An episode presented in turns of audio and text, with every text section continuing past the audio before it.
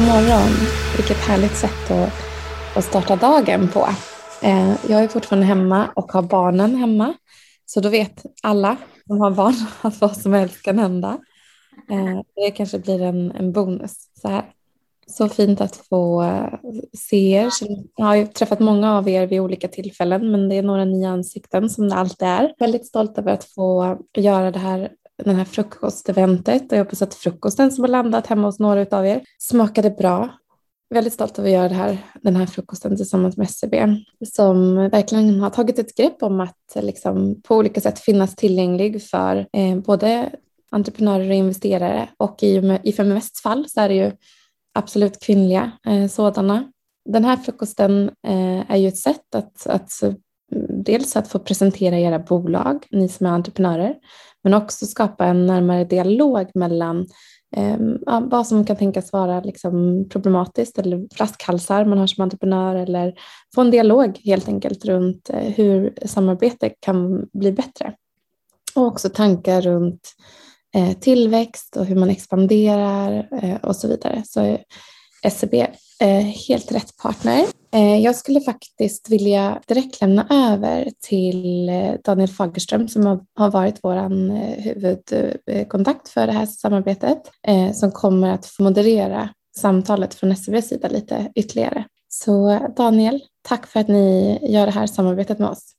Stort tack för att vi får eh, vara här eh, och eh, från vår sida så har vi ju som vanligt en liten kärntrupp utav experter med oss. Jag kan börja med att presentera mig själv. Jag heter då Daniel Fagerström, arbetar som kommunikationsansvarig för, för Private Banking, har 13 års erfarenhet ifrån wealth management och haft väldigt mycket kunddialoger under min tid. Jag tänker vi kan bara lämna över ordet till våra experter. Så tänkte, vi har också med oss Jens Magnusson som är ett litet nytt ansikte för, för en del eh, i, i den här konstellationen. Så eh, Jens, du får gärna presentera dig och vad du gör om dagarna på, på SEB.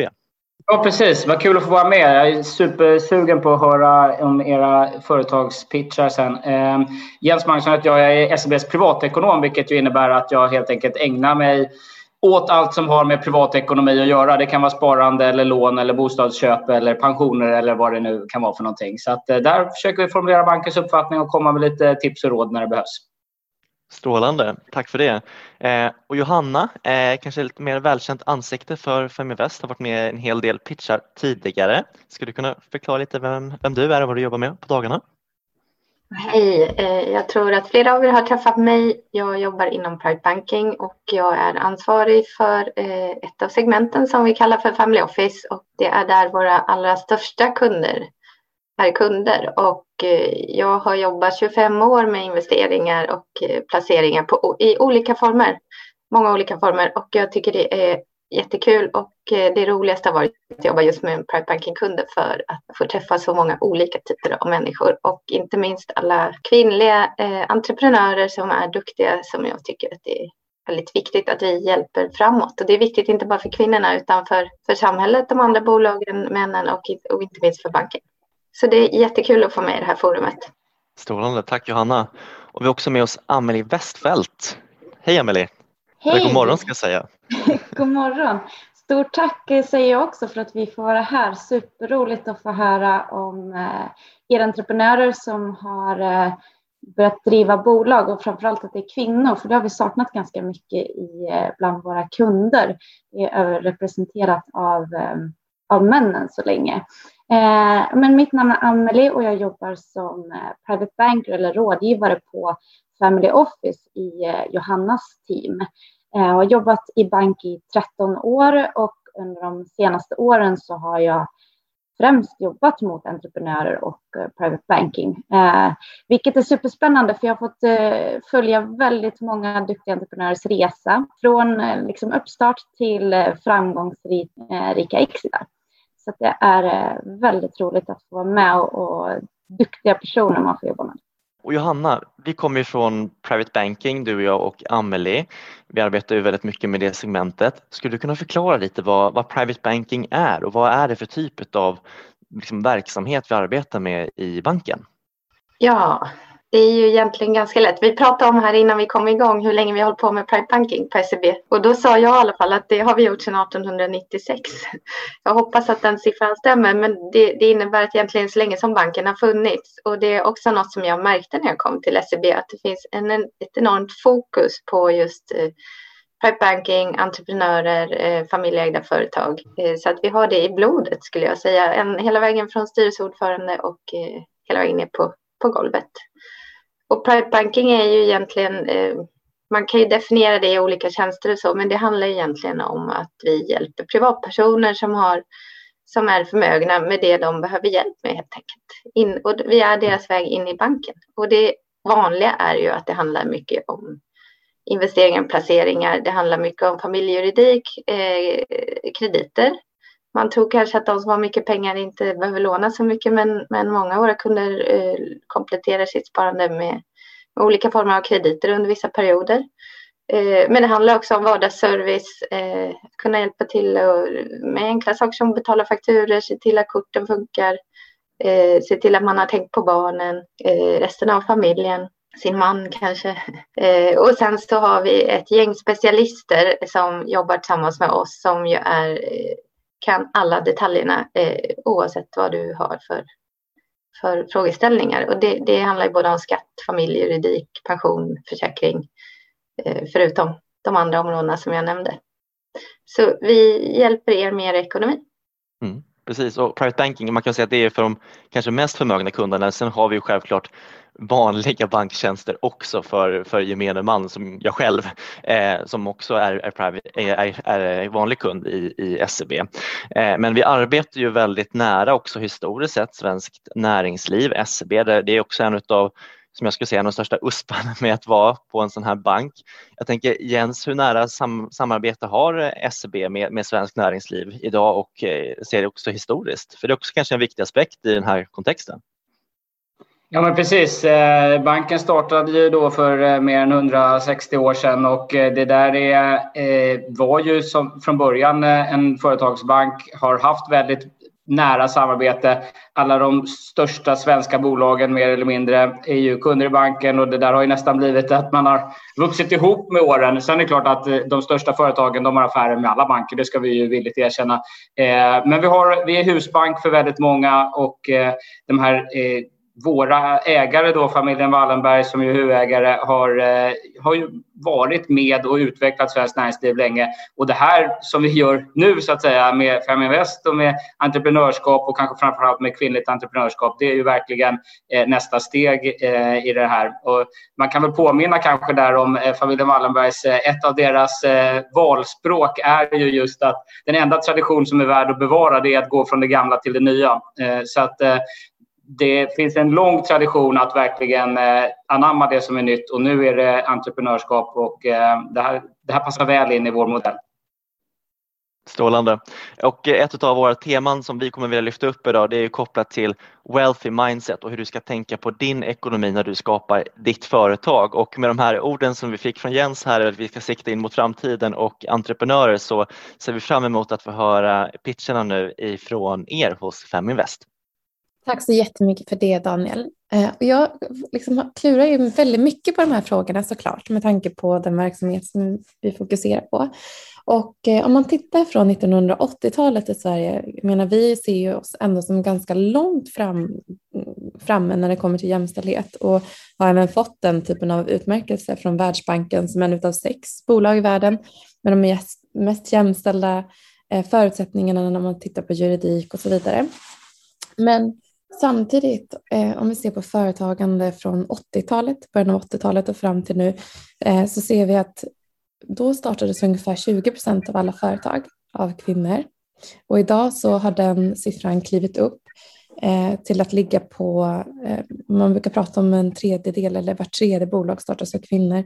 Och så fluktuerar det liksom mellan 31-33 procent där någonstans eh, av vad jag har sett i, i den datan jag tillgodogjort mig. Och det, det är inte jättestor skillnad egentligen med tanke på liksom vilka ekonomiska förändrings, eh, förändringar vi sett i samhället i stort.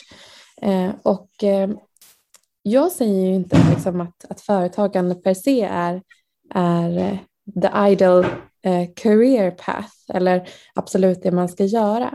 Men i undersökningen som man gjorde nu på Handelshögskolan här i Stockholm, som jag ändå tänker är ett sätt att ta tempen på vad unga vill göra, så pratar närmare 60, ja, 65-70 procent om att de önskar eh, starta bolag. Och det här tycker jag är intressant när det blir en diskrepans mellan ambitionen som jag ofta pratar om, om det är ambitionen runt företagande eller om det är ambitionen runt att investera och ha en ekonomisk eh, frihet och så vidare. Eh, att det blir en, eh, det tycker jag är väldigt intressant Eh, och kanske någonting som vi alla kan ta med oss och klura vidare på. Ehm, allra först så vill jag presentera den första entreprenören. Det är Anna Blott Carling som har grundat flera olika bolag, Hubster bland annat. Men nu senast, som hon har gjort en, en framgångsrik resa med redan.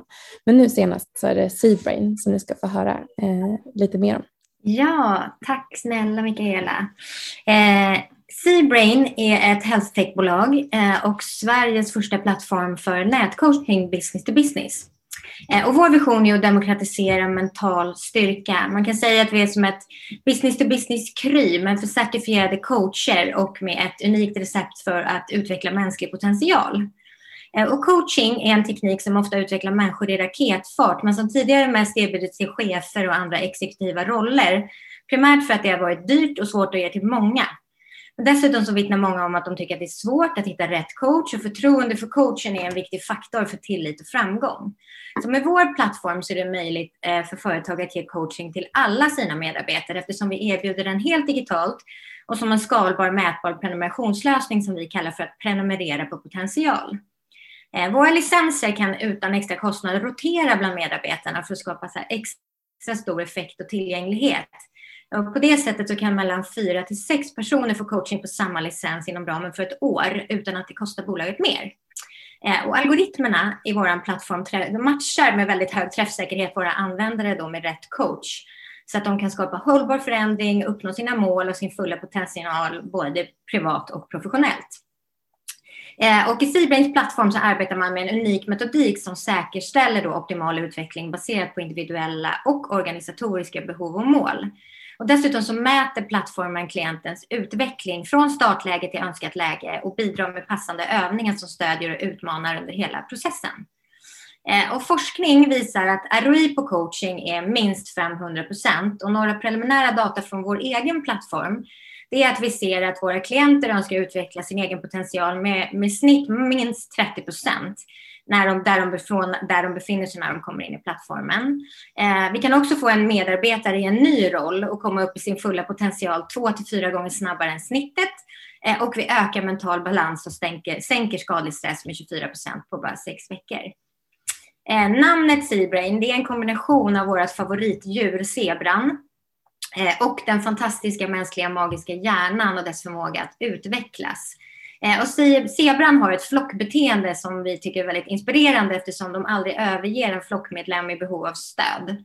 Och dessutom är vi besatta av att bygga ett zebrabolag som både är svart och vitt, det vill säga både skapar konkret affärsnytta och gör gott i samhället samtidigt. Vi lanserade i mitten på januari, eh, idag 12 anställda medarbetare som vi kallar för Seabrainers. Eh, och vi har idag ett 30-tal anslutna högcertifierade coacher till plattformen och över 100 användare. Eh, våra månatliga repetitiva intäkter ligger då i maj på ungefär 150 000 och vår nästa milstolpe är en MRR på 500 000 som vi tror att vi kommer nå i Q3. Tack! Tack så jättemycket Anna. Eh, jag lämnar över till Amanda Thorén på Bencha som har tagit fram ett verktyg för att hitta rätt. Tack så mycket. Ja, hej och god morgon. Amanda Thorén heter jag och är grundare och VD för Bencha. Eh, bencha är alltså en digital tjänst som hjälper konsumenter att hitta och bencha, alltså jämföra produkter och återförsäljare för att enkelt göra rätt val när man ska shoppa på nätet utifrån sina egna preferenser. Eh, affärsidén väcktes till liv när jag själv skulle köpa gummistövlar till mina barn och eh, gjorde en eh, Google-sökning och fick eh, 2,6 miljoner träffar. Eh, jag vidare letade på olika onlinebutiker där jag scrollade bland ungefär 12 000 olika gummistövlar. Eh, det här sådde fröet till det som idag är Bencha som jag startade i september 2020 och ett halvår senare, senare lanserade vi vår första webb och apptjänst. Ehm, så genom bland annat machine learning så bygger vi eh, egna relevans och rekommendationsalgoritmer eh, och har även utvecklat en egen sökmotor med en bildsöksfunktion. Eh, vår stora vision är att skapa ett bencha-beteende där användare benchar, alltså jämför produkter innan de genomför ett köp på nätet för att säkerställa att de hittar rätt utifrån sina egna krav. Eh, och vår långsiktiga målsättning är att kunna göra en impact i form av nudging. Vi vill alltså knuffa konsumenter i rätt riktning genom att ge dem rätt förutsättningar att göra hållbara val. Eh, det här är en liten djungel för den vanliga konsumenten idag och vi vill göra det lättare. Vi har idag ungefär 110 000 produkter på vår tjänst Eh, men har, är godkända för återförsäljare för ungefär en och en halv miljon produkter. Eh, vi satsar stenhårt på att äntra marknaden nu genom digital marknadsföring eh, för att vi vill nå alla som har ett behov av att bencha och som med vår hjälp ska kunna göra rätt val och mer hållbara val. Vi har en global expansion som mål. Vi fokuserar stenhårt på att gå break-even i januari 2021 och är idag åtta medarbetare. Tack. Så himla häftigt. Tack för det Amanda. Ehm, vi har flera Amandor med oss. Eh, det är väl kanske som Anders på börsen eh, har varit tidigare. Anders är liksom ett av de vanligaste namnen i ledningsgruppen och har varit historiskt. Bland entreprenörerna så är det Amanda som hjälper. Amanda Lilja eh, med Feedback Frog som hjälper företag att få in kvalitativ, eh, kvalitativa tankar från de som gillar det varumärket. Varsågod Amanda, över till dig. Tack så mycket. Eh, jättekul att vara här idag. Och eh, Amanda heter, heter jag och är grundare och vd på företaget Feedbackfrog. Jag eh, arbetade tidigare på företaget Electrolux där mitt ansvar var just användartester. Och min uppgift var att finna ett smidigt sätt för dem att få in feedback på tjänster och produkter i rätt målgrupp. Eh, de lyckades inte identifiera en aktör som kunde tillgodose det här behovet och jag tog beslutet att ta saken i egna händer och skapade Feedbackfrog. Den tjänst som både Electrolux och jag själv då saknade. Att finna rätt målgrupp är något som många kundföretag som vi är i kontakt med tycker är en stor utmaning och de misslyckas ofta med två personer att faktiskt dyka upp på testerna. Eh, det är en tidskrävande, komplex och dyr aktivitet som tar fokus ifrån det som kunden egentligen vill lägga sin tid på, vilket är då researcharbetet Eh, att använda ett sånt här, eller anordna ett sånt eh, användartest är något som involverar många olika typer av resurser. Så att när en deltagare då inte faktiskt dyker upp så går hela investeringen av att anordna testet förlorat. Så därför vet vi på Feedbackfrog att genom vår unika SaaS-plattform så förenklas arbetet drastiskt för företag, både att komma i kontakt med ett målgrupp och att få feedback. Och vår lösning på plattformen gör kunden en effektiv hantering, en kvalitativ screening och en 90% show-up rate. Och vår expertis vilar i att vi har superskills när det kommer till att veta vad finns i målgrupp och vad är det som faktiskt driver dem till att delta. Det gör att vi kan pusha på rätt incitament och resultatet av det blir då en 90% show-up rate. Så genom vår plattform så sparar kunden kolossalt mycket tid i sitt arbetsflöde och vi säkerställer att de har fin ROI på sitt anordnade test. Hur det funkar är att man som företag registrerar den profil som man är intresserad av att komma i kontakt med och den plattformen synkar då väldigt bra med vårt medlemscommunity bestående av privatpersoner. Då det bokas deltagare in, testet genomförs och därefter har du som företag fått den inputen som du behöver för ditt analysarbete och deltagarna har fått betalt då för den feedback som den ger. När man köper vår tjänst som företag så kan man bestämma om man vill köpa det projektbaserat eller om man vill prenumerera på tillgång till plattformen. Och just abonnemangslösningen har givit oss ett väldigt fint kassaflöde och trygga fasta intäkter under tiden som vi byggt bolaget. Vi har en eh, upparbetad kundbas bestående av stora internationella företag som Electrolux, Getinge, Facebook, Essed, SBAB och Skandia, för att nämna några. Eh, och vi har även nu ett par kunder på kö som väntar på att vi ska utveckla mjukvara som gör att de kan genomföra sina tester online, men även att de ska kunna få feedback från deltagare från andra länder. Vi har ett ordersnittvärde per kundkonto på 370 000 kronor och abonnemangsintäkten genererar 1,2 miljoner per år. Vi har varit lönsamma varje år sedan starten haft en stadig tillväxt och den eh, starkaste tillväxten uppnådde, uppnådde vi faktiskt förra året när covid-19 drabbade världen under 2020 där vi växte med 80 procent. Och eh, vi håller just nu på att ta in kapital och förhoppningen är då att vi ska kunna eh, ha en omsättningstillväxt på 200 procent framåt efter den tillväxtsatsningen. Marknaden är väldigt stor och efterfrågan på denna tjänsten är väldigt stor och den omsatte 3,8 miljarder dollar bara förra året. Och den snabba tillväxttakten som Feedbackfrog har haft visar på att vi har god potential för tillväxt på en internationell marknad. Och just därför så tar vi då in eh, kapital just nu. Så det var lite kort om oss. Tack så jättemycket Amanda. Tack. Vi går över till en annan industri som också verkligen behöver ställa om eh, på många sätt och har sina stora utmaningar. Eh, Mia Berg med företaget SizeNote som vill säkerställa att när vi beställer någonting så ska det inte vara en storlek som varumärket sätter utan det ska vara anpassat efter din riktiga storlek. Över till dig Mia. Tack så jättemycket. Hej på er allihopa. Eh, vi är som sagt Size Not. jag är medgrundare och eh, säljansvarig och vi finns baserade i Lund i Skåne. Jag sitter mitt ute på Bystan i Skåne i Vollsjö. Och eh, vi har alltså en, vad vi kallar för en eh, digital passformsalgoritm. Det är en matchningstjänst som idag är helt unik och ny på marknaden. Eh, jag, vi brukar jämföra vår algoritm och eh, tjänst med en eh, arkitektritning av ett hus. Därför att det är på exakt samma sätt som man skapar ett plagg. Man gör ett mönster, vilket är en ritning. Och det är kanske inte alla riktigt medvetna om att varje plagg har precis lika många mått och vinklar och vrår och former som en arkitektritning. Och eh, vad som då sker är att vi lägger in en, eh, en, en bodyscan där slutkonsumenten som är inne på respektive webbsida och hittar ett plagg. Då har man klickat in sig på det här plagget och eh, då kommer det upp en liten, en liten eh, scanning här som man kan göra. Och den scanningen går man in på och då kommer man direkt in på själva bodyscannen. Det är två bilder. Och de måtten som tas på konsumenten jämför sen vår passformsalgoritm mot det aktuella plaggets mått.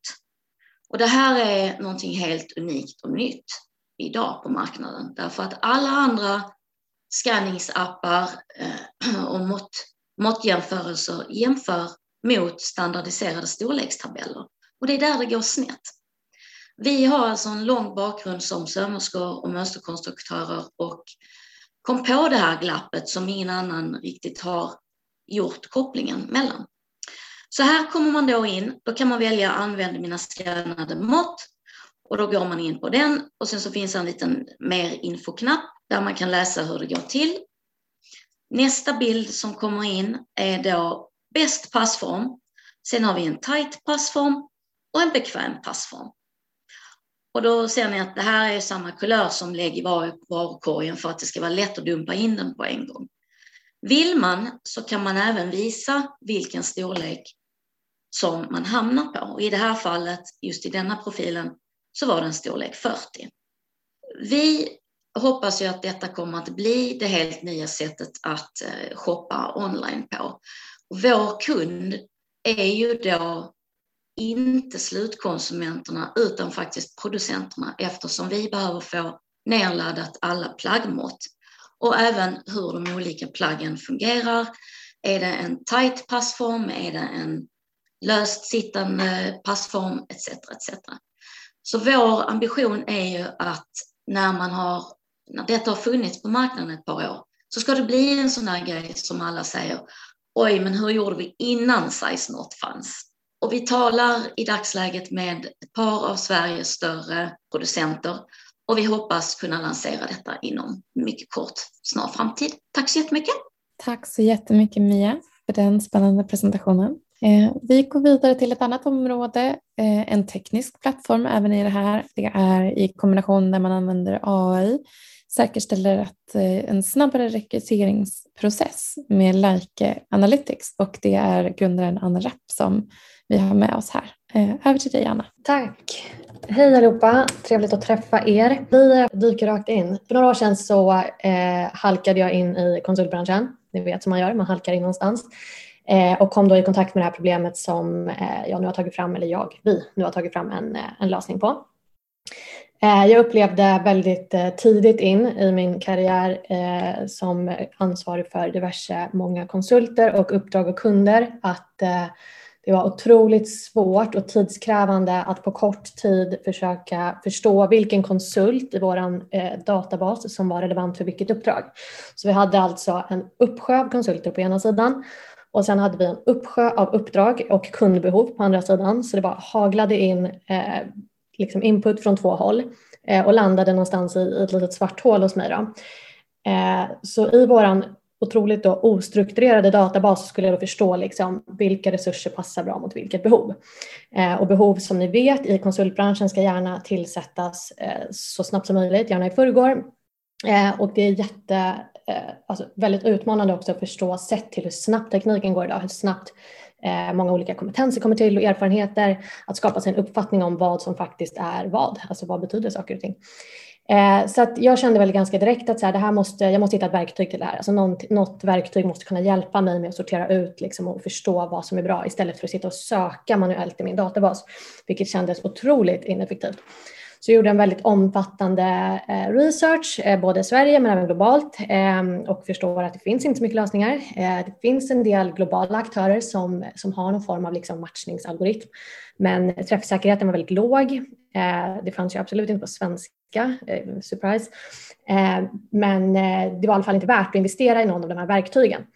Så jag kontaktade en branschkollega till mig som då driver ett, eller där och då drev ett konsultbolag inom maskininlärning och AI och eh, vi tog en lunch och så pitchade jag in det för honom varpå han sa så här att eh, nej, eh, så tekniken finns inte där än. Jag tror inte vi, jag tror inte vi kan göra det här. Liksom.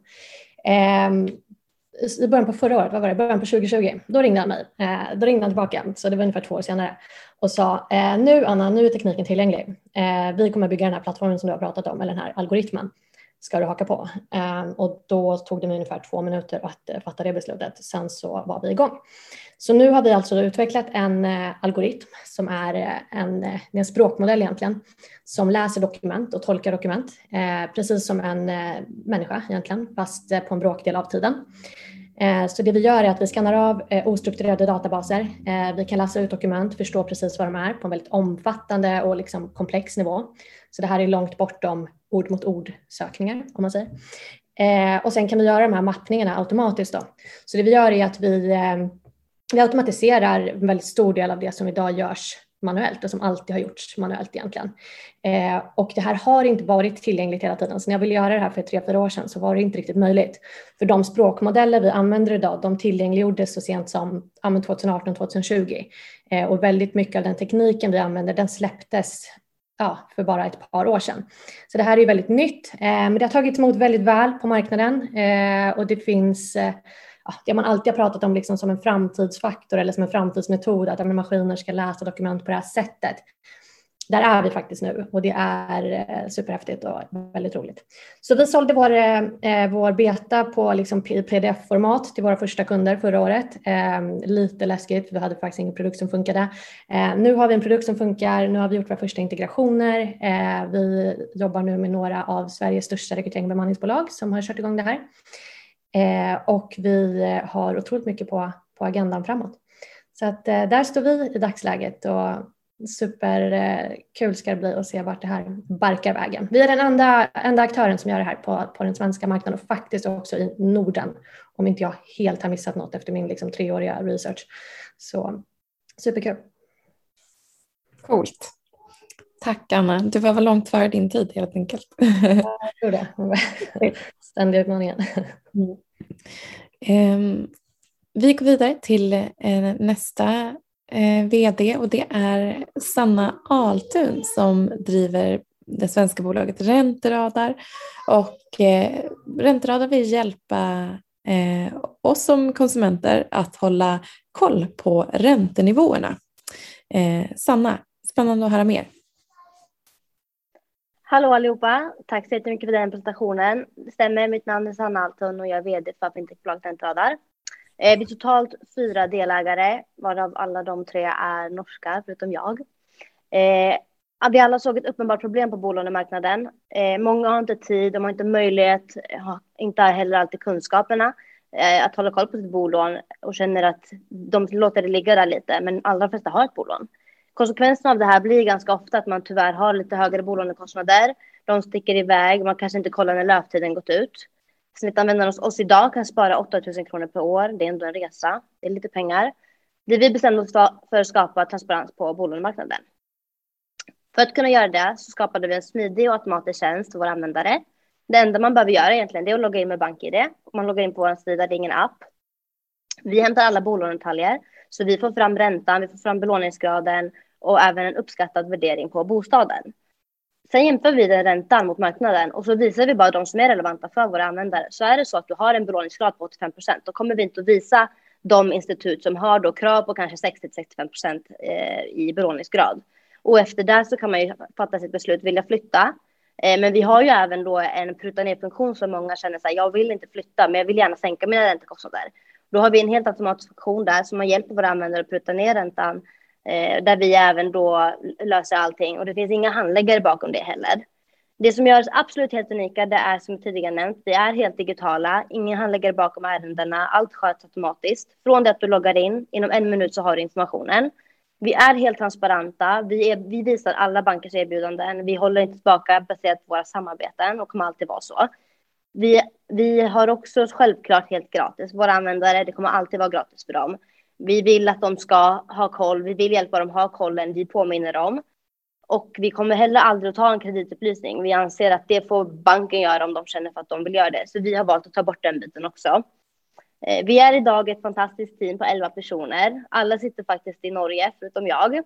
Vi har fått, eh, fått jättebra respons på ganska kort tid. Vi har fokuserat helt och hållet eh, under det här året på till användartillväxten och även att tjänsten ska vara så bra som möjligt. Eh, det var heller inte så länge sedan vi tog in kapital. Så vi, vi hoppas att till Q3 börja göra lite intäkter. Det var kort om oss. Tack. Tack så jättemycket, eh, Sanna. Vi går vidare eh, till ett annat ämne som verkligen berör oss eh, alla i stort sett som sitter här på något sätt. Eh, och eh, det är också ett ämne som inte har fått så stort utrymme och det är kvinnohälsa och eh, fertilitet och vad som kommer med det. Eh, Therese Kappelen har grundat Talk about it som eh, tar, tar fram eh, eh, intimitetsprodukter för kvinnor eh, på ett härligt sätt och också vill bidra till att minska stigmatisering eh, och hjälpa eh, tjejer runt om i världen. Therese. Hej, tack för fint intro. Um, fantastiska pitcher hittills, så imponerad verkligen. Um, jag är då Therese Kappelan, grundare av Syd och eh, 62 miljoner kvinnor går inte i skolan på grund av något så naturligt som mens. Det betyder att 62 miljoner kvinnor inte har samma möjligheter i livet som män. Mens är alltså en jämställdhetsfråga. Tittar man på menshyllorna här hemma är det tydligt att inget har hänt sedan 80-talet. Rosa blommor och zebrakamouflage skapar en klyscha av vad en kvinna är och kan vara. Vad kommunicerar en kamouflerad paketering till konsumenter? Jo, kamouflage betyder ju att något ska gömmas. Ska mensskydd gömmas? Det här är en av många signaler som hänger kvar sedan gammalt och, man, och eh, som hindrar utvecklingen mot, mot att normalisera mensen. Problemet kring mens varierar såklart världen över. Allt från att produkter och sanitära förutsättningar saknas i Elfenbenskusten till att vi här hemma i mer subtila former gömmer tamponger i armen när vi ska gå på toaletten. Syd har två tydliga missions. Ett, se till att mens aldrig står i vägen för någon skolgång. Två, göra mens till en så bra upplevelse som den bara kan vara. Genom Syd kan vi göra båda. Syd är ett nytt varumärke av mensskydd som ger konsumenten bästa möjliga mensupplevelsen samtidigt som vår businessmodell backar kvin kvinnor i utvecklingsländer med produkter och förutsättningar så att de kan gå till skolan när de har mens. Så hur skapar vi en så bra mensupplevelse som möjligt och hur ser vi till att ta bort den stigma som råder? Ekologiska äpplen, krämer och kläder är något vi alla känner till, men när det kommer till mensskydd är kunskapen låg. Trots fördelarna för både kroppen och miljön. Vi vill se till att ekologiskt blir den nya normen. Även fast mensen är ett faktum varje månad kommer den ofta som en överraskning. Därför ser vi till att produkterna levereras till din dörr var tredje månad. Mycket av tabun kring mens ligger i orden vi använder och normer som skapats. Därför tror vi stenhårt på att just design och kommunikation kan bidra till att sätta mens i ett nytt ljus. Vi lanserade vår konsumentvarumärke på vår egen e-handelsplattform för två månader sedan och vi har fått en fantastisk respons. Förra veckan lanserade vi vårt B2B-koncept Bloody Professionals där även arbetsplatser kan erbjuda mensskydd till sina anställda för en mer jämlik arbetsplats. Det här är bara början av våra planer för att skapa framtidens mensvarumärke. Ehm, ni kan alla uppgradera er mensupplevelse och samtidigt möjliggöra för skolgång för kvinnor i Elfenbenskusten på talkaboutseed.com. Tack! Tack så jättemycket Therese eh, för det arbetet på många plan. Vi går över till eh, Lindsay och Julia eh, som eh, eh, jag träffade för en kort tid sedan. Jag är så imponerad över deras genomförande. För att de sitter, jag förmodar att de kanske till och med sitter i lokalerna till bilen som är deras dröm som de har jobbat eh, emot länge som är ett eh, coworking space for people who thrive in female energy. Tack Mikaela. Uh, jag pratar svenska men jag kommer från USA så jag tar pitchen på engelska. Hope that's okay. Uh, we are the founders of LAM, which, as Michaela said, is a members club here in Stockholm with a strong focus on well being. Um, we're for everybody, but we say that we are mostly for people who thrive in female energy. And Lamb as was born out of a need that both Julia and I had and that we realized our friends had to have one place where you can take care of yourself, where you can meet new people, where you can work, and where you can be creative. Um, and so we have created something that we call the anti burnout space. Um, part of it is a reaction against a lot of masculine, more masculine workplaces. Um, especially in the co-working space but also uh, the sort of lack of a place for women to come uh, and all people to come to meet new people to try new things. And so that's why we have created lamb. We call it the anti-burnout space because um, burnout is one of the biggest problems that we have. Um, it has increased 144% among young women over the last four years and it has become a really big problem and there's a few simple ways to address burnout, and it's something that we try and do here at LAM. Uh, one is having a, work life balance, another is having access to mental health tools, another is physical exercise. Uh, connection with other people and a sense of belonging and the ability to be creative and that's something that we do here at lam through our we have access to workspace we have access to a whole host of events um, that range from uh, physical exercise to events like uh, flower arranging and pottery making and dance and things like that. Uh, we also have infrared saunas, retreat rooms. Um, we have growth events, and it's all sort of brought together in a space where you can come and be yourself and um, and thrive and do your life's best work. Och det som är viktigt för oss är också hållbarhetsaspekten. Så 90 procent av alla våra möbler är återanvända. Eh, och det är också någonting som allting som vi tar in här har vi en tanke bakom med också. Så därför har vi också Syds produkter hos oss, vilket vi är jätteglada för. Ehm, eh, och det vi, nu har vi vårat, vi har 700 kvadratmeter på Drottninggatan 71C och det vi eh, jobbar på nu är, vi märker hur stor efterfrågan vi får och har. Eh, så det vi satsar på nu är att bygga vår plattform också även digitalt så att vi når ut till, till fler personer som faktiskt inte är fysiskt på plats i Stockholm. Eh, och ambitionen är att, eh, att skapa flera ställen som det här för att behovet finns där. Tack snälla! Tack så jättemycket. Verkligen häftigt att se. Ser fram emot att komma förbi.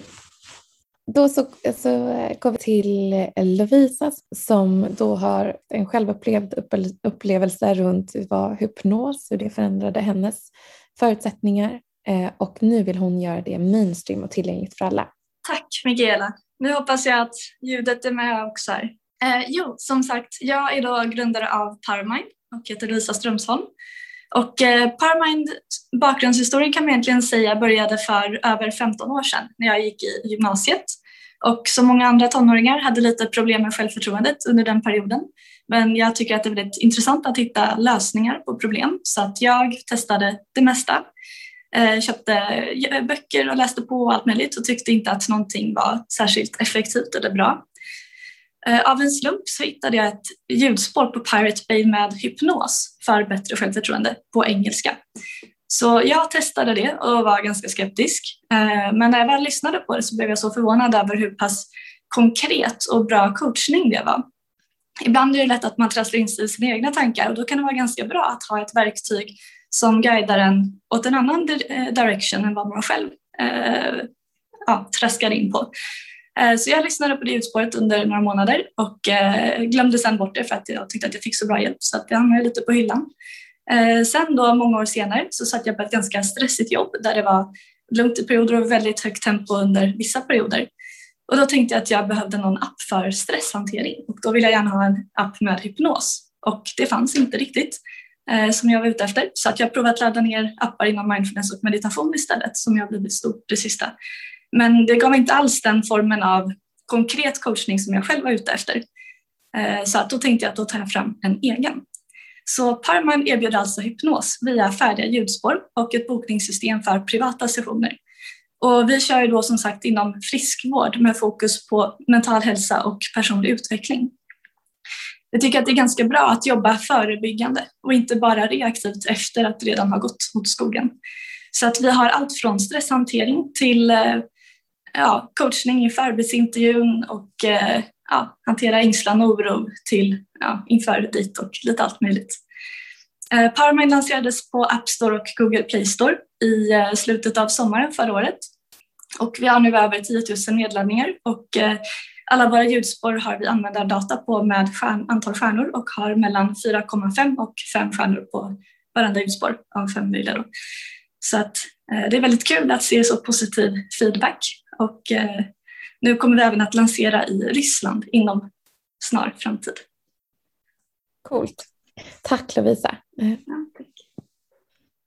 Eh, otroligt imponerande över mångfalden som alltid bland eh, de entreprenörer som vi har kontakt med. Eh, jag vet att eh, Daniel, Johanna, Jens och Amelia har många tankar och frågor till er. Eh, så vi öppnar upp för en frågestund. Över till dig Daniel. Ja, Stort tack, alltid så otroligt eh, imponerad när man hör på alla, alla företags eh, idéer. Eh, och jag har varit med på flera sådana här Wednesday pitch också eh, med dig också. Så det har varit eh, fantastiskt. Man blir alltid, ja, tiden bara rinner iväg. Eh, men sagt, tänkte vi kan bara gå lite laget runt från SCB, våra reflektioner från det vi har lyssnat på. Kan börja kanske med, med Jens. Sådär, förhoppningsvis unmutad också. Ja, men jag kan bara ja. inställa Daniel. Eh, alltså, tack, det är en förmån att sitta och lyssna. Jag har också hört eh, en del pitchar och entreprenörskap. Men det här är ju snäppet eh, bättre än det mesta jag har hört. Alltså det är ju eh, det är inte bara pitchar utan många över har ju fullt fungerande företag och eh, vet eh, vart ni är på väg. Så att, det, det är bara eh, gratulera att ni har kommit så långt eh, i både tankarbetet och i själva det faktiska företagsbyggandet. Så att, eh, är sjukt imponerande. Jätteroligt att höra. Hoppas kunna komma med några eh, ekonomiska tips här nu eh, snart, men eh, än så länge så är, det, eh, så är jag bara imponerad. Verkligen. Johanna, vad är dina reflektioner över allt det här vi har hört idag? Ja, inte bara det jag hört idag utan det jag hört nu de här tre gångerna när jag har varit med är ju faktiskt att eh, det finns jättemycket fina företagsidéer och eh, ni verkar otroligt engagerade. Men det jag tänker eh, gemensamt är att ni alla verkar tänka liksom steget runt att det ska vara bra för samhället också. Bra för andra människor och det, det känns ju otroligt bra. Så det är nog min reflektion av de här tre gångerna jag har varit med och lyssnat nu vilket gör att jag blir mer engagerad också. Härligt. Och Amelie, vad säger du? Det du har hört nu? Ja, nej men jag kan bara instämma. Jag tycker det är otroligt imponerande. Eh, både att våga ta steget att bli entreprenör, eh, men också de eh, liksom, idéer som ni faktiskt har och har vågat satsa på, på det. Eh, och det jag tycker jag håller med Johanna om eh, att göra gott för samhället är någonting som eh, jag ser ligger i egentligen alla de pitchar som har gjorts. Och jag tycker det som är intressant också är att det känns som att det fyller tydliga luckor i liksom behov i marknaden. Så jag tror verkligen att, att det finns ett tydligt behov som kan mättas här. Superintressanta idéer. Verkligen. Eh, och Johanna, du har ju följt många entreprenörer. Vi har ju många av Sveriges största entreprenörer hos oss i SEB eh, och som har gått hela vägen, för det är också en viss risk när man, när man går igenom en sån här entreprenörsresa. Skulle du kunna berätta om lite vad, vad är det för nycklar du har sett till framgång från de som har gått ja, och tagit bolaget he hela vägen, om man får uttrycka sig så? Ja, det är en jätteintressant fråga. Alla är väldigt olika, men, men mm. generellt tror jag att det jag har sett är att det är väl sällan kanske det första företag man har startat som blir i miljardklassen, utan man har mm. oftast eh, kört ett antal bolag på olika, ja, med olika infallsvinklar och olika omfattning. Så att det är väl kanske inte jättevanligt att man sätter igång eh, och startar ett företag och några år senare så säljer man det för flera miljarder.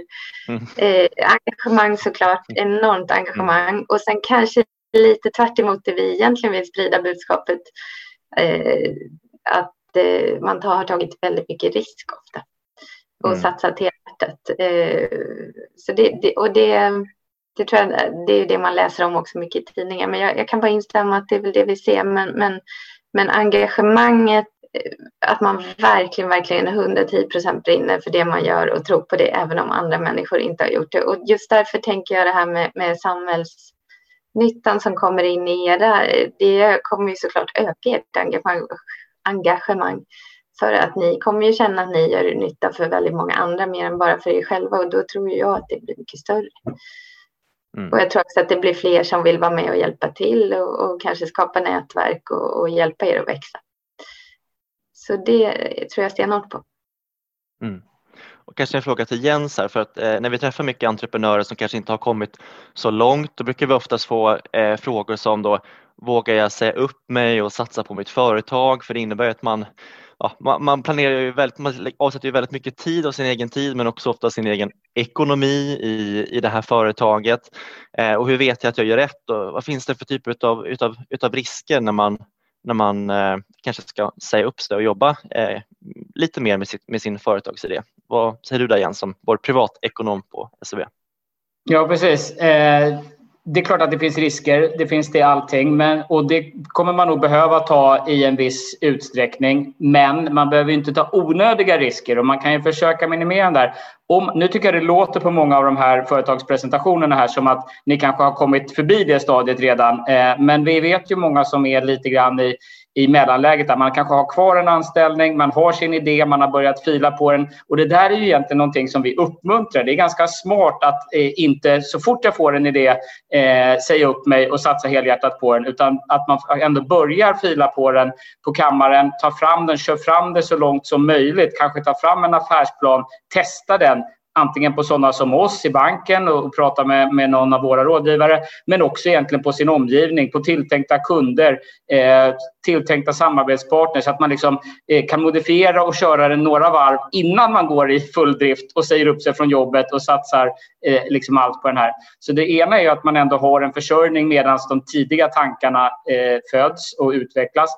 Och den andra aspekten av att behålla ett jobb så länge som möjligt innan man satsar på det nya, det är ju att man har chansen att bygga lite buffert. Eh, att man kanske kan faktiskt spara ihop lite pengar så att man klarar sig sen i några månader, eh, tre, sex månader, nio månader eh, utan att ha en inkomst. Kanske inte blir någon lyxtillvaro, men att man ändå kan betala hyran och, och maten. Så att säga. Och det där, eh, så det finns ett par bra eh, ändå argument för att gärna behålla sin anställning som man har eh, så länge som möjligt. Och sen går man över och då är det ju precis som eh, kollegorna är inne på, här, Johanna och Amelie, att eh, då behöver man nog satsa järnet på det här.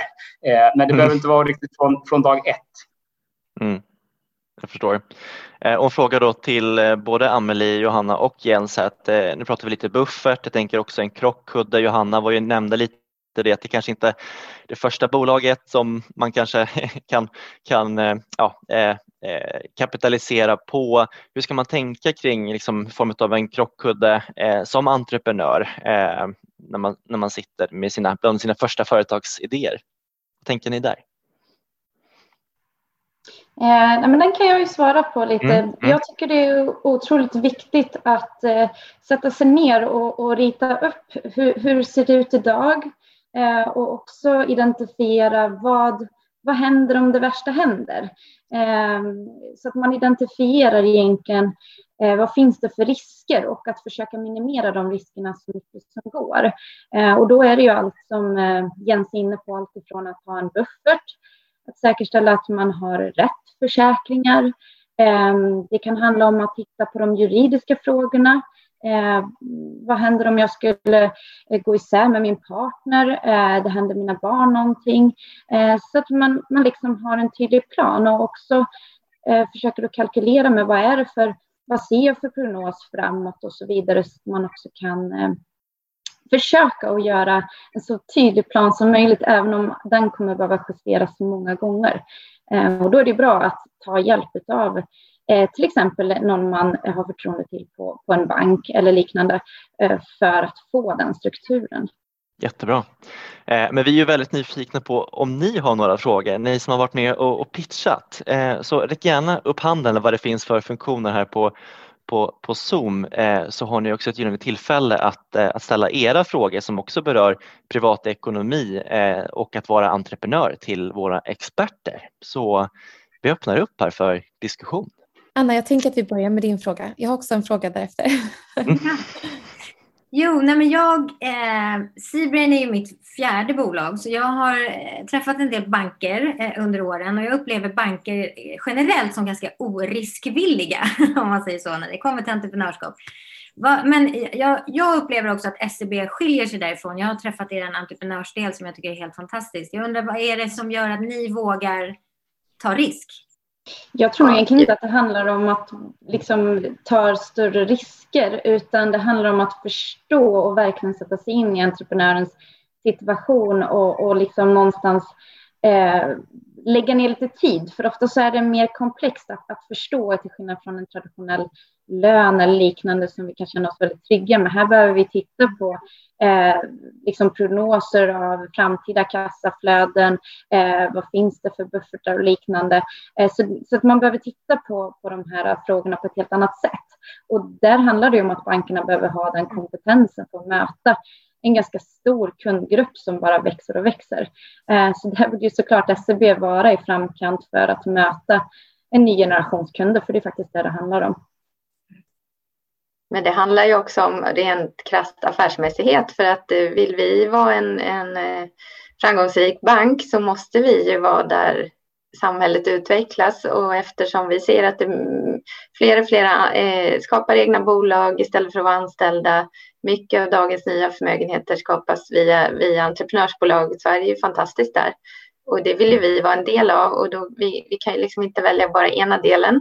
Som jag brukar säga, vi kan inte vara där när ni säljer era, era bolag om några år och, och får loss väldigt mycket pengar, utan vi måste ju vara där och stötta er och hjälpa er att göra det verkligt. Och då, då måste vi hitta lösningar som gör att vi kan vara med och jag blir jätteglad att höra att du tycker att, att vi verkar skilja oss lite där och vår målsättning, vi är ju absolut långt ifrån nöjda. Eh, vi vill ju göra mer där och bli bättre så att vi jobbar ganska hårt på det. Och det är en av de diskussionerna vi, vi för mycket inom Private Banking. Hur vi ska kunna stötta entreprenörer som växer med, med krediter och annat. Mm. Så också jätteintressant för oss att ha, få höra från er men ha diskussioner med, med mm. hur ni ser på det här och vad ni har för erfarenheter och, och om vi kan få hjälp och hitta vägar så är ju det väldigt uppskattat. Mm. Tack. Eh, jag hade två frågor baserat på eh, de som eh, deltar. Det ena är teknik är ju, har varit väldigt mycket fokus när det kommer till riskkapital och för att skala upp under de senaste åren. Och för entreprenörer som har knoppat ihop eller liksom byggt, lagt grunden, byggt en plattform men kanske inte har kunnat bevisa sig än men känner att man behöver någon form av liksom tillskott eller tillväxtkapital för att kunna ta det där steget till att bevisa sin affärsmodell. Eh, vad skulle ni se, liksom, vilka möjligheter finns och vad eh, skulle ni eh, kunna ge för råd i det, i det stadiet? För jag känner att det är några som ligger i, i den där precis liksom etablerings och skala upp eh, fasen. Och den andra frågan är, när man då inte är techbolag så är det oerhört svårt eh, eh, att få tag på investerare av olika slag. Eh, vad har ni för tankar och råd för, för den typen av bolag? Ja, jag kan ge mig på att försöka svara, men jag tycker också att det här, jag, jag kan absolut inte allt om det här. Jag ser ju också, eh, vi på Family Office så jobbar ju vi väldigt mycket med att förmedla kontakter mellan Eh, ja, de som söker kapital och de som har kapital. Eh, ofta är det företag som har kommit lite längre. Historiskt har det varit så och det är ofta techbolag. Jag har också noterat det. Eh, det jag ser är att det finns ju ett, våra kunder, jag har jobbat med förmögna kunder väldigt länge, eh, de börjar tänka annorlunda. Det hände något för tio år sedan, just det här att göra bra i samhället, bidra till inkludering, till liksom social stabilitet, eh, till att många ska ha det bra. Det intresset har ökat väldigt mycket och eh, både äldre och yngre kunder. Det började med kvinnor som började tänka så. Eh, men nu är det inte så längre. Så att det jag tänker är att jag tycker att jag ser att det finns eh, ett ökande intresse för sociala investeringar. Och då, tidigare man pratade om filantropi det är inte det jag pratar om, utan det är just det här att investera i saker som bidrar till att samhället mår bra, vilket kommer naturligtvis göra att jag själv mår bra.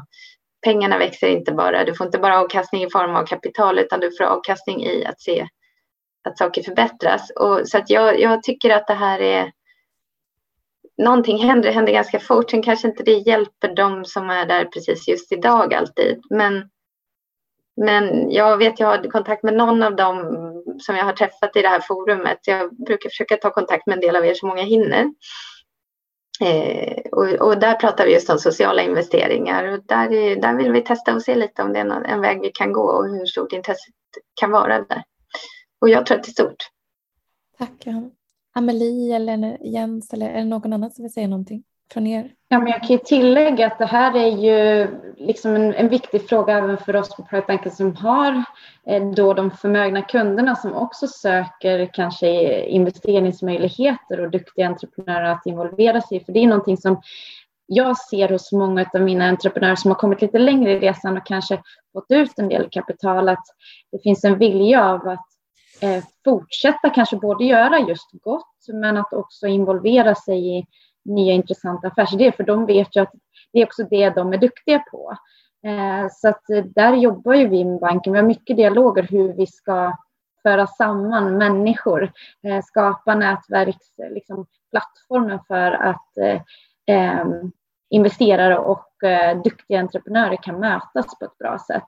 Eh, så där försöker vi hitta olika typer av idéer och där tror vi att liksom, våra kunder och entreprenörer blir en viktig del att liksom, hitta lösningarna tillsammans. Jag kan tillägga, förlåt, fortsätt Johanna. Jag tänkte att lite om, om man tänker efter så är det här, jag menar mångfaldsfrågor är ju väldigt viktiga och det här är också en typ av mångfaldsfråga, att vi inte bara jobbar med techbolag i samhället utan så det är ett ansvar som, som alla företag måste måste ta egentligen.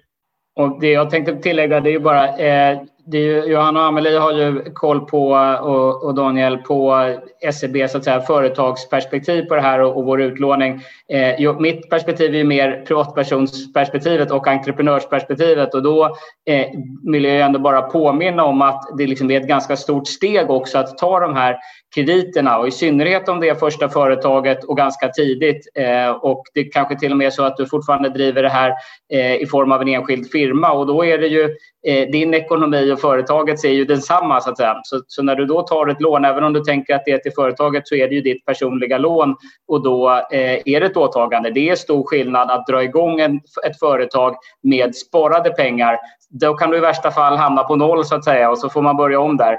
Eh, om du drar igång omedelbart med lånade pengar och kanske har eh, belånat eh, huset eller tagit privatlån eller blankolån eller vad det nu är då, och det inte går bra, då, då börjar du på, på liksom ett kraftigt minus efter det när du ska sätta igång. Och det där är ganska stor skillnad. Så att en viss försiktighet vill jag ändå uppmuntra till. Det är lite skillnad om man sen skalar upp och går över till ett aktiebolagsform till exempel. Eh, nu har inte ni pratat så mycket om era bolagsformer men det låter som det är mycket aktiebolag bolag eh, som ni jobbar med. Och det är klart att då har man en, en större skillnad då mellan sitt eget, eh, sin egen ekonomi och företagets. Eh, men det är klart att därmed blir det också lättare eh, att Eh, att, att, företaget helt enkelt får ta smällen och det är klart att då blir det också lite jobbigare för banken att ta den risken därför att det finns inte samma eh, garantier involverade där. Så att det, det där är ju en, en avvägning men min självklart ska det finnas krediter till olika företagsformer och jag tror att det är som Johanna säger att det där är på väg att förbättras. Det är möjligt att det går för långsamt, eh, men också ett litet varningens finger. Tänk lite grann ett extra varv innan man börjar belåna sig. Är man i ett väldigt tidigt stadium, försök att klara sig så länge som möjligt på pengar man faktiskt har. Eh, jag lämnar över med det eh, inlägget till Mia Berg. Ja, det, det, är inte egentligen eh, så mycket en fråga som är en reflektion. Jag kan absolut instämma i, i det som eh, Johanna tidigare sa, att eh, det, det har varit mycket fokus på tech. Det här är mitt tredje bolag och det första inom tech. Jag har haft ett otal projekt inom hantverk, inom eh, vård, alltså massa olika grejer där jag har sökt både bidrag och lån, aldrig fått en spänn. Det här är första gången som vi faktiskt eh, blir uppmärksammade för vad vi gör och folk står i kö för att komma in och investera. Och det handlar om att vi faktiskt har nummer ett, eh, en tech, en digital uppfinning, men också, precis som ni sa innan, att vi, vi, det finns ett samhälls, en samhällsnytta. Vi har lyckats att mappa in de flesta av de här FNs miljömålen. Eh, och, ehm, så absolut, jag håller med. Det, och kanske också att det har varit lite för lite fokus på det kvinnliga just inom tech. Men jag känner inte att vi har varit utsatta för någon direkt diskriminering för att vi är kvinnor. Man, kanske lite i början, men nu har vi nog bevisat oss tror jag. Så jag kan bara instämma. Det stämmer. Mm. Sanna? Eh, lite, ni pratade lite om det här med nätverkande. Och nu är det ju som alla vet corona. Har ni något förslag eller idé på hur man eller även tips till eh, oss som är startups som ibland sitter och behöver nätverka och det är ju begränsat och även eh, tips och råd. Ni träffar ju dagligen, kan jag tänka mig, eh, både de som har lyckats och hur har de gått tillväga när, när de har fastnat? Ehm, jag tror det är viktigt, det här är alltid en svår fråga, ehm, men eh, jag tror det är viktigt att börja prata, eh, att försöka att i de olika sammanhang som man befinner sig i, antingen om man sitter på banken, att säga att jag är jag är behov av att träffa andra människor som kan stötta mig i min resa. Eh, men lika väl bland vänner och andra människor man träffar för att se liksom, när kan jag ha någon form av eh, ett gemensamt mål eller man kan hitta synergier där man kan tillsammans hjälpa varandra på olika sätt. Eh, och där det också man kan se kanske att man kan som sagt hjälpa varandra, att det inte bara blir från, från ett håll eller liknande. Um, men till exempel om man tittar på den bankrelationen du har så är det ett bra sätt att lyfta frågan, för banken har mycket olika typer av nätverk som man kanske kan bjuda in till och så vidare. Eh, men jag tror också att bara vända sig ut till de personer man känner och, och öppna sig för att hjälpa hjälp och stöd. Jag skulle faktiskt kunna tillägga ett tips där. Jag är med i ett nätverk som jag tycker har givit mig väldigt mycket bra eh, i form av liksom bollplank och med personer som både befinner sig i samma fas men som även har kommit längre och vissa som är tidigare i sitt företagande. Och det är nätverket Geos, Young Entrepreneurs of Sweden. Och de anordnar väldigt mycket olika online-event nu under covid. Eh, och då har de lite olika temadagar som eh, handlar om lite olika utmaningar som man kan ha i sitt bolagsbyggande. Och då får man höra personer som berättar sin historia.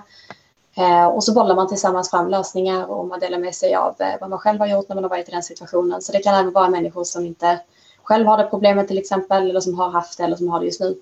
Eh, så jag skulle verkligen råda dig att kika på, på Geos så kanske vi ses på något online-event där. Jag bara får lägga till så tycker jag att det är en superbra idé.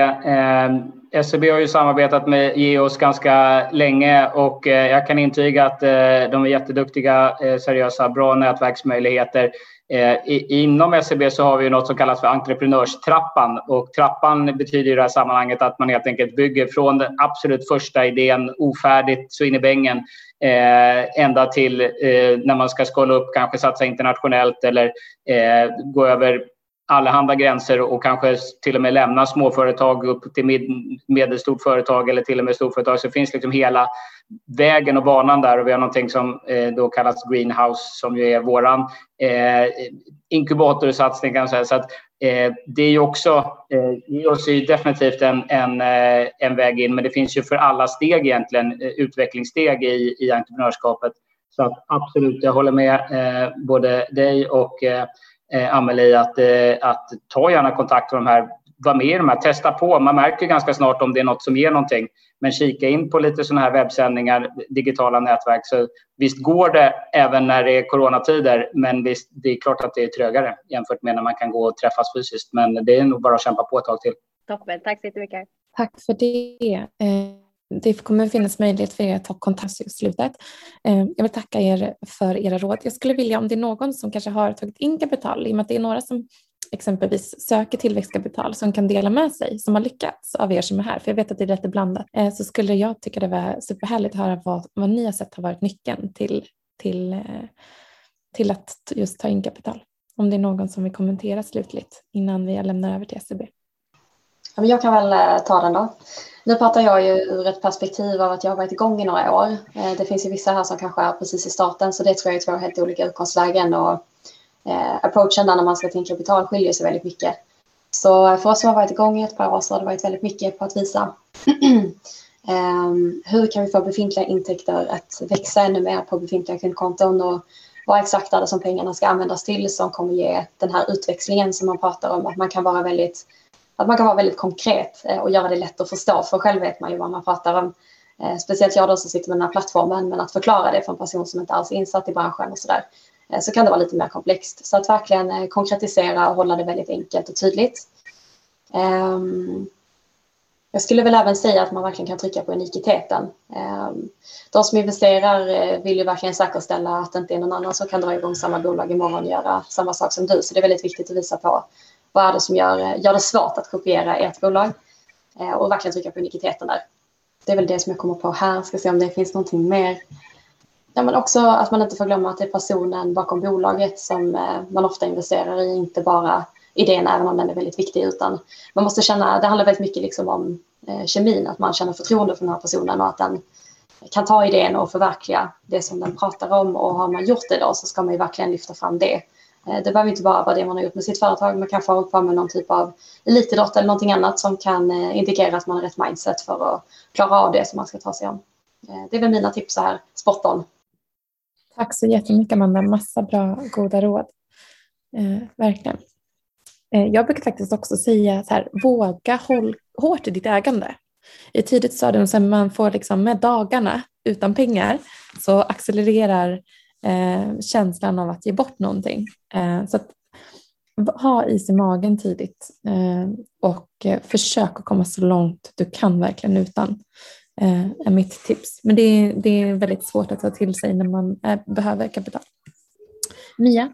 Ja, jag kan bara prata för egen del, men, men för vår del så tror jag att det som var nyckeln till att få de investeringarna och de investerarna som vi har nu och även fler som vill in, så har den nyckeln varit att eh, vi har en gedigen bakgrund faktiskt. Vi vet vad vi snackar om. Vi kan det vi gör och vi har sett det här glappet som ingen tidigare har, eh, har identifierat just beroende på att ingen har haft den bakgrunden. Eh, och där vi har kunnat koppla ihop eh, funktionen och tekniken och även som Amanda säger då att det, det, innebär ju att man får en trovärdighet som person. Att man, man har en gedigen bakgrund och att man, man, man, att man visar att man är den man är helt enkelt. tror jag är jätteviktigt. Tack så jättemycket. Jag skulle vilja lämna över för slutkommentarer från er från SCB. Eh, innan vi avrundar så finns det som sagt möjlighet att ta kontakt, upp kontakten efteråt. Men tack för er, er tid, verkligen. Och jag, jag skulle nästan vilja liksom, för nästa gång ge mer utrymme för den här pratstunden efteråt. Jag tror det finns mycket att nysta i. Verkligen jättebra input och stort tack att vi fick vara här. Eh, men för oss för SEB det är jätteviktigt att eh, man känner att vi tar hand om dig som entreprenör, ditt entreprenörskap men också dig som privatperson som står bakom eh, det här bolaget. För det är minst lika viktigt också att du, att du mår bra, att du, har en, att du känner dig bekväm med din ekonomiska ställning, att vi känner att, att vi är också en finansiell partner för dig privat. Eh, så det är någonting som jag skulle vilja skicka med. Eh, men eh, Johanna, vad är det för råd du skulle vilja ge till de som har lyssnat in och sett oss idag? Ja, jag började reflektera nu när ni pratade och berättade just det här med personen bakom bolaget och framhålla den kompetens man har och de kunskaper man har med sig. Och jag tänkte, jag kan ju egentligen mer om noterade investeringar, men jag kan väldigt mycket om fondförvaltning och det är faktiskt så att det kanske ni vet också, men, men fondförvaltare, om inte de känner på, de lägger väldigt mycket tid på att titta på bolagsledningen om de har förtroende för den. Och har de inte det så, så spelar det ingen roll hur fint bolaget är, då investerar de inte. Så så det är väl egentligen samma i båda världarna och eh, till och med då jättestora fonder tänker på det viset. Så det kan ju göra att eh, det är värt att lägga mycket tid på att visa allt man, ni kan och vad ni har med er. Och sen tänkte jag på en annan sak och det är väl mer allmänt så här. Det har ju kanske ingenting just med min bankerfarenhet att göra, men det här att hjälpa andra när du ser att du kan vara till hjälp för andra och när du ser att du kan förmedla den där eh, personen, där skulle jag nytta av att prata med den här personen som jag känner. Så brukar jag alltid försöka tänka för att jag tycker det är kul. Men jag har märkt också att de gånger jag behöver hjälp så får jag det väldigt lätt för att jag hjälpt många andra. Så det kan jag också, det är mer ett långsiktigt råd kanske. Stort tack Johanna. Eh, Amelie, vad vill du skicka med efter den här, den här eh, sändningen den här morgonen? Nej, men jag tänker, ni är ju så otroligt bra på det ni gör eh, och eh, jag tror att det kommer att gå fantastiskt för er alla då ni liksom någonstans också har hittat lösningar på tydliga behov. Eh, det som jag ser hos många av mina entreprenörskunder är att eh, de, de gör det de är bra på och tar hjälp där, där de inte kanske varken har tid eller kunskap. Eh, så till exempel när det kommer till de här, kanske för vissa tråkiga bankfrågorna, eh, så tar de hjälp och, och, och eh, även i andra forum så att, så att man faktiskt kan fokusera fullt ut på, på den business man bedriver och det man faktiskt, där man skapar som, som allra störst värde. Så det är väl ett medskick. Stort tack. Och Jens, jag tänker SEB, vi blir ju årets affärsbank ganska ofta, i alla fall det händer en, en, en del gånger. Varför tror du att vi blir det? Och vad skulle du skicka med dig från eh, det här eh, seminariet eller mötet i den här morgonen? Ja, det här med eh, Årets affärsbank, eh, det vet jag inte. Det är många som jobbar hårt runt om i banken att ta in kunder eh, och att verkligen hjälpa dem. Man tar inte bara in dem eh, och sen låter dem vara utan att man stöttar och är med hela vägen. Det verkar många kunder uppskatta. Jag tror att vi har ett bra erbjudande förstås, konkurrenskraftigt och då får man betalt för det i slutändan. Eh, men det är andra som pysslar med det. Mitt medskick det är egentligen eh, utifrån det jag hört. För det första eh, så tror jag stenhårt på er. Ni har kompetensen, drivet, ni vet vart ni är på väg. Eh, jag tycker dessutom det låter som att många företagen som ni har, eh, antingen långt komna eller på det stadiet, är bra. Jag är övertygad om att eh, ett gäng av dem kommer att lyckas och lyckas ni inte med just det ni gör nu så kommer ni lyckas med något annat för det är otroligt eh, inspirerande det jag hör. Eh, mitt medskick då som privatekonom det är ju eh, mer på det här personen bakom då. Kom ihåg er själva i det här. Ni är uppfyllda av det här eh, och driva era bolag framåt. Eh, men eh, kom ihåg, eh, kom ihåg er själva och kom ihåg också de här tråkiga sakerna som sådana som jag har som jobb att påminna om att det kan också hända grejer eh, längs vägen. Man kan bli sjuk. Någon i ens närhet kan bli sjuk. Eh, det, det kan, eh, man kan skadas på något sätt, man kan råka ut för någonting. Man kan till och med hålla i hatten, man kan till och med bli gammal eh, så småningom. Eh, och alla de här sakerna gör liksom att man behöver eh, tänka på lite mer än bara precis eh, företaget här och nu. Då. Så att, eh, en bra grej att tänka på det är att alla de här skyddssystemen egentligen som vi har i samhället, de här socialförsäkringssystemen, pensioner, sjukkassa, Eh, allting sånt där bygger i väldigt stor utsträckning på att man har en inkomst. Så ett sånt där medskick det är att eh, när ni kan, jag fattar att det är svårt i en uppbyggnadsfas, men så fort ni kan, eh, försök att också ta ut en lön. Inte bara samla pengarna i företaget och tänka att ni ska expandera. För har man ingen lön, då har man ingen sjukpenninggrundande inkomst, man har ingen pensionsgrundande inkomst och så vidare. Så att försök att ta ut en lön när det går. Eh, och en annan sak är att bara lönen, bara det allmänna försäkringsskyddet, till exempel när det gäller pensioner, det är ganska urholkat nu. Vi lever längre och längre, pensionsåldern hänger inte med uppåt. Vill man ha en flexibilitet och kunna leva ett schysst liv även så småningom så behöver man någonting mer än bara eh, det allmänna systemet. Så att i nästa steg, när jag börjar ta ut en lön, fundera också seriöst på någon typ av sån här försäkringspaket. Jag är helt med Amelie där att det här är inte det som man tycker är roligast när man är, är entreprenör. Eh, men det är, är jäkligt viktigt. Ta hjälp så löser sig det eh, snabbt med, med en, en bankkontakt. Men då har man ändå det här paketet så att man även om det skulle hända någonting eh, så har man ett skydd. Och händer ingenting längs hela resan annat än att det går bra så är det ju kanon. Men förr eller senare kommer det ändå eh, att bli äldre, kommer vilja gå i, i, i, pension eller trappa ner eller göra någonting annat. Då behöver man liksom en, en plattform som är lite större än den som samhället eh, tillhandahåller. Så att det är väl åtminstone ett par eh, mera privatekonomiska medskick eh, från, eh, från min sida. Stort tack och sen skrev eh, Johanna Palmborg också här i chatten att inte heller att glömma testamentet. Mm. för det är Tänk på, eh, tänk på hur du vill ha det om det värsta skulle hända. Eh, det är skilsmässa och dödsfall med mera. Kanske eh, skulle vara enskild egendom eh, om man ärver. Och äktenskapsförord säger Mia Berg också, så strålande.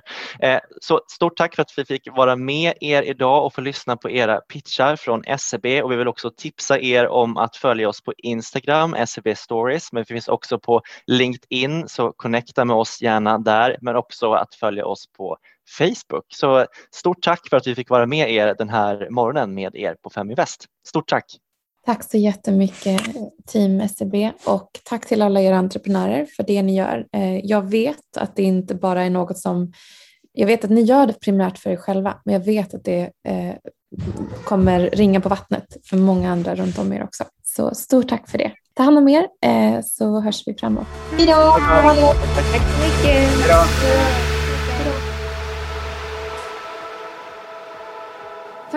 Är Sveriges största investeringsnätverk för tjejer. Vi vill att allt fler ska våga äga och förvalta. Och hur gör vi då detta? Jo, vi vill inspirera, utbilda och utmana runt ägande, investeringar och entreprenörskap.